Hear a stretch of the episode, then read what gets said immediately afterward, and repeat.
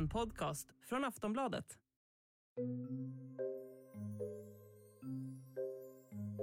Nyårsafton har varit och det känns som att det var många som sa att nu lämnar vi det här jobbiga året 2022 bakom oss.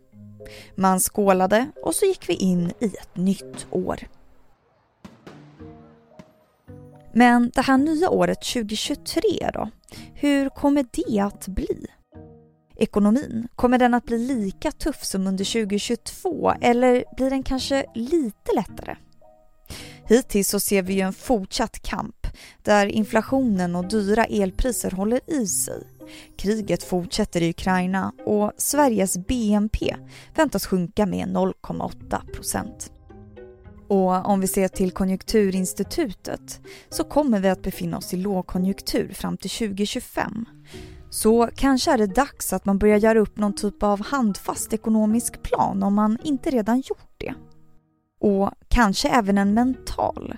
För hur ska man hantera den här ekonomiska oron egentligen? Så som folk har det idag så kan ju faktiskt oron äta upp en helt.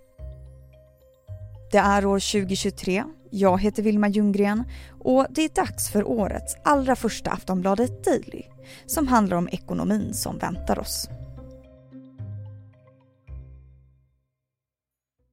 Jag ringer upp Mikael Dahlén, författare, lyckoexpert och professor i ekonomi vid Handelshögskolan i Stockholm. Förutom att han har stenkoll på ekonomi i sig så har han också koll på hur den får oss att må och hur man ska förhålla sig till krisiga tider för bankkontot.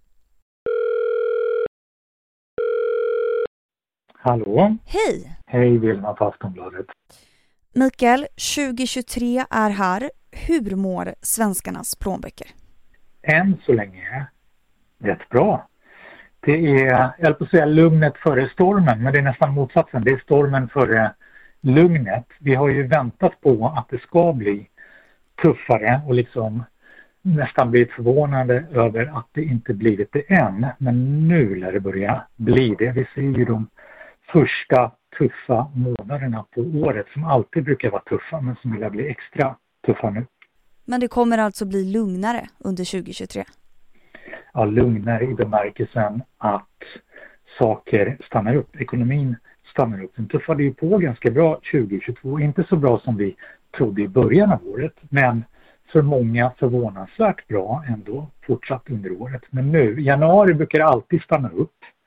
Det är liksom lite baksmällan efter att saker gasar fram till slutet av året och det är jul och det är allt det där som påverkar både privatpersoner och företaget. Sen, sen är det lite tomt i plånböckerna under januari. Så det bromsar alltid upp lite och extra mycket nu när alla känner efter lite och avvaktar hur kommer det bli med ekonomin. Och sen kommer februari efter det som brukar vara den värsta månaden på året alltid. Och det lär vi känna av i år också. Mm.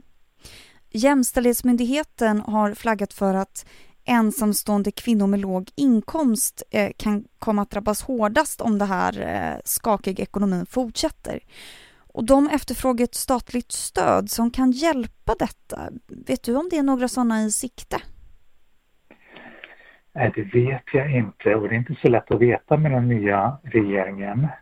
Inte just för att det är den här regeringen utan för att den är ny överhuvudtaget. Och det är alltid lite osäkert när en helt ny regering kommer på plats att få in rutiner, prioriteringar och så vidare. Och det påverkar ekonomin. Så ovanpå att vi är på väg in i en lågkonjunktur så blir det alltid lite avvaktande och osäkert med en ny regering innan alltid på plats. Men jag hoppas verkligen att så kommer bli. Och förr eller senare, förhoppningsvis inte så mycket senare, så tror jag att det kommer komma sådana statliga stöd. Och vi är ju som du sa ändå på väg in i en lågkonjunktur även om det blir lite lugnare. Vilka fler grupper i samhället kommer vara de som får det svårast? Ja, men lite gemensamt med ensamstående kvinnor om det är så att de ensamstående kvinnorna har barn. Med det kommer ju ganska ofta stora fasta kostnader. Jag vill inte dra ner så mycket på kostnaderna. Och där är det ju tufft nu med inflationen som tuffat på och gör att priserna är höga och kommer vara det ett tag till. Om man dessutom har eh, lån, vilket ju väldigt många har i vårt land, särskilt inom boende med, med räntorna som nog dessvärre kommer fortsätta stiga lite till och inte så lätt att göra någonting åt. Där blir det ju tufft, definitivt. Och så är vi mitt i vintern och det är de kallaste månaderna nu, januari, februari, där energikonsumtionen kan gå upp ordentligt. Så där blir det tufft om man inte har så mycket marginaler då. Ensamstående kvinnor, eh, unga överhuvudtaget, unga som skaffat sig boende med höga kostnader och inte kan göra så mycket intäktsmässigt där. För dem skulle jag säga att det blir tufft. Men om man tänker tvärtom då, finns det några lyckliga få som kanske till och med får det bättre än vanligt under 2023? Alltså för första gången i modern tid, för första gången någonsin för många lite yngre, så lönar det sig ju ordentligt att spara.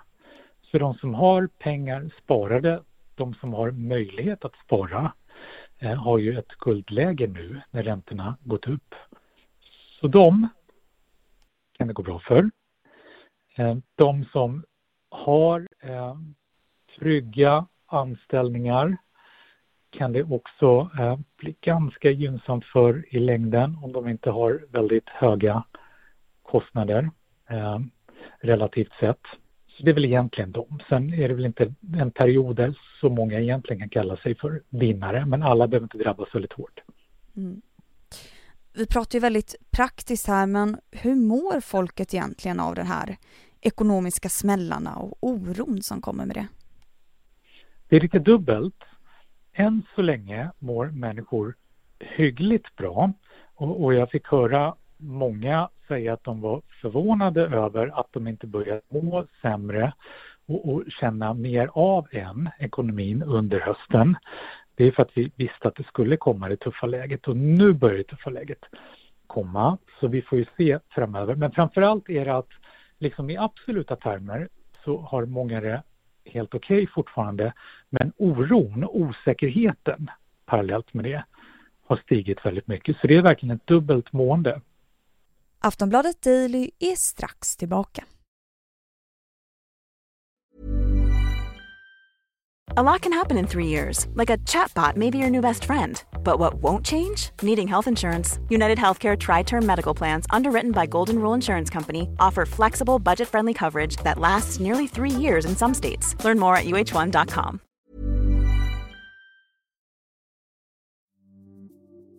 Mikael Dahlén är ju professor i ekonomi men också som sagt lyckoexpert som försöker hitta formen för hur man uppnår lycka. Nyligen så gjorde han en lyckomätning för att se hur människor mår under de här oroliga tiderna. Vi hör vad han kom fram till. Jo, men den framgick att lyckan fortfarande ligger relativt högt. Vi, vi är ett välfärdsland som alltid ligger ganska högt i lycka och där inte lyckan rubbas så väldigt mycket. Lite, lite har den gått ner, men den stora skillnaden är just att vi parallellt med det också känner en större stress och oro. Det kan låta konstigt men vi har verkligen ett, ett sånt dubbelt mående. Men om det ändå är så att man besväras väldigt mycket av den här oron, eh, hur kan man göra egentligen? Har du några tips? Ja, men det första är att oro har att göra med vad som skulle kunna komma. Det har inte hänt än. Och vi tänker ofta i termer av värsta scenarier och det är ofta det vi möter i media också, för det mest dramatiska som skulle kunna hända. Det innebär inte att det är det mest sannolika som skulle hända. Så det är värt att påminna sig om saker som inte har hänt och som inte behöver bli så illa. Eh, kanske vi inte ska stressa upp oss så mycket över än. Och vi behöver tänka i absoluta termer, inte bara i relativa termer. Det känns alltid jobbigt när saker blir värre än vi hade tänkt tidigare och kanske värre än vi har det just nu. Men det måste inte innebära att det blir dåligt. Vi får tänka till också och inse att förra året så var ekonomin genomsnittligt i det här landet på en all time high. I, i, liksom I slutet av en pandemi, en stor katastrof, så var vi ändå i ett läge som var bättre än någonsin tidigare. Så vi har liksom marginaler som samhälle kunna få det lite tuffare utan att det absolut behöver bli så väldigt illa. Sen behöver vi lösa det med stöd för de som tar de största smällarna och så vidare. Men det ska vi kunna klara av tillsammans. Så det är värt att påminna oss om. Och att fokusera lite mer på att hur vi har det just här och nu och inte ta ut allt det möjliga värsta eländet i förskott. Försöka glömma det här katastroftänket lite. Ja, precis så. Men den här oron, förutom att människor lider av den, så påverkar den ju också hur man agerar liksom, och hur man konsumerar. Eh, vad får den för konsekvenser för samhället i stort om man bortser liksom från individers lidande? Ja, men då dels så hamnar vi i det här lugnet som alltså inte betyder att allting är bra, men där vi avvaktar väldigt mycket. Vi, vi skjuter på saker. Eh, jag tror de flesta kan relatera till funderingar kring vad ska jag göra i sommar, semester och så vidare. När det går bra då kan vi börja planera sånt redan nu. Kanske till och med boka boenden och aktiviteter men nu känner vi att det är nog lika bra att avvakta. Vi skjuter lite på det där. Samma sak med, med nöjen, man ska gå på konserter och massa sådana saker. Så vi skjuter ganska mycket på saker och ting. Och även om man hade planerat att vi ska skaffa nytt boende eller vad det nu är för någonting. Så allt skjuts lite grann på. Det är en sån viktig del i det hela. Och så finns det någonting positivt i det här. Att vi börjar tänka på, finns det kostnader vi kan skära ner på? Finns det förändringar vi kan göra? Det här vi så sällan gör när allting bara tuffar på, när det är högkonjunktur och vi inte behöver tänka så mycket på det. Och det tycker jag också är någonting som är guld värt att fundera kring nu med stress och oro för vad som kommer sen. Eh, kan vi vända på ett fokus på nuet? Vad kan jag göra för förändringar nu som jag egentligen kanske alltid har velat göra eller vet att jag borde göra men sköt på för att jag inte behövde göra det förut. KI, alltså Konjunkturinstitutet, de spår att vi kommer vara i en lågkonjunktur fram till år 2025 ungefär. Vad borde man ha för ekonomisk plan fram tills dess? Man borde ha en försiktig plan. Det där tycker jag är en viktig distinktion att göra mellan oro och panik som vi så lätt känner när konjunkturen vänder och det blir tuffare. Och, med det så gör vi ofta läget ännu tuffare som samhälle om vi alla går in i något panikläge. Men att vara försiktig är viktigt, att verkligen se över ekonomin. Eh, vad har jag för utgifter och kostnader nu? Finns det någonting jag kan göra lite mer hållbart? Eh, skära lite i, planera om. Där finns mycket vi kan göra. Och tänka på att eh, det kommer vända. 2025 innebär ju, låter ju jättelångt bort nu, men om vi tänker nu är vi 2023 så eh, vi pratar ju kanske ett till två år, ett och ett halvt år brukar det historiskt sett var ungefär när vi pratar lågkonjunkturer om de är långa, ett och ett halvt år innan det vänder. Och då känns det lite mer hanterligt när man tänker efter att till nästa sommar så kan nog läget vara ganska hyggligt igen och jag kan göra de här sakerna som jag faktiskt skulle kunna skjuta lite på. Ja, det känns ju inte så långt bort faktiskt när du säger så. Men om vi kollar på just 2023 då, hur mm. tycker du att vi ska ta oss an det rent mentalt med den här ekonomiska oron som kan gnaga? Inse eh, att det inte kommer bli katastrof. Vi kommer kunna hantera det här som samhälle när vi planerar eh, politiskt och smart, vilket kommer komma igång så småningom, det är jag övertygad om. Den tuffaste delen av 2023 kommer vi möta nu under våren och början av våren. Redan efter det så kommer det inte tuffa på i det lika tuffa läget. Det gör det betydligt mera hanterligt. Och att inte vara ensamma med vår oro. Prata om det här, hjälps åt. Det är en jätteviktig del i det här. Det är så lätt att man tar på sig allting, oroar sig själv, känner sig misslyckad i att man har tagit på sig till stora kostnader eller vad det är och så pratar man inte om det. Men prata om det med andra, se att de är i samma läge, man kan hjälpas åt. Det finns en hel massa vi klarar av att göra tillsammans för vårt mående och också för vår privatekonomi. Tack så jättemycket för idag. Tack så mycket själv. Du har lyssnat på Aftonbladet Daily med Mikael Dahlén, författare, lyckoexpert och professor i ekonomi vid Handelshögskolan i Stockholm. Jag som intervjuade honom och gjorde det här avsnittet heter Vilma Ljunggren. Vi hörs!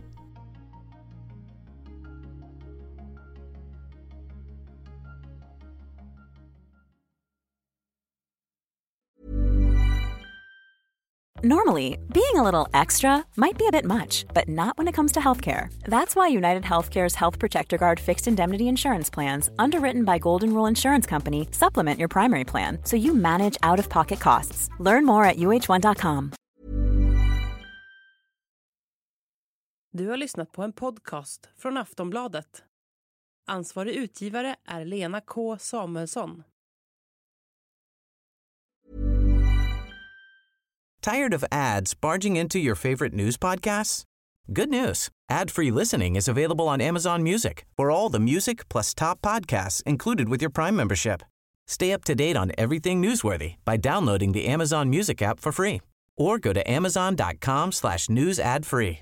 That's amazon.com slash news ad free to catch up on the latest episodes without the ads.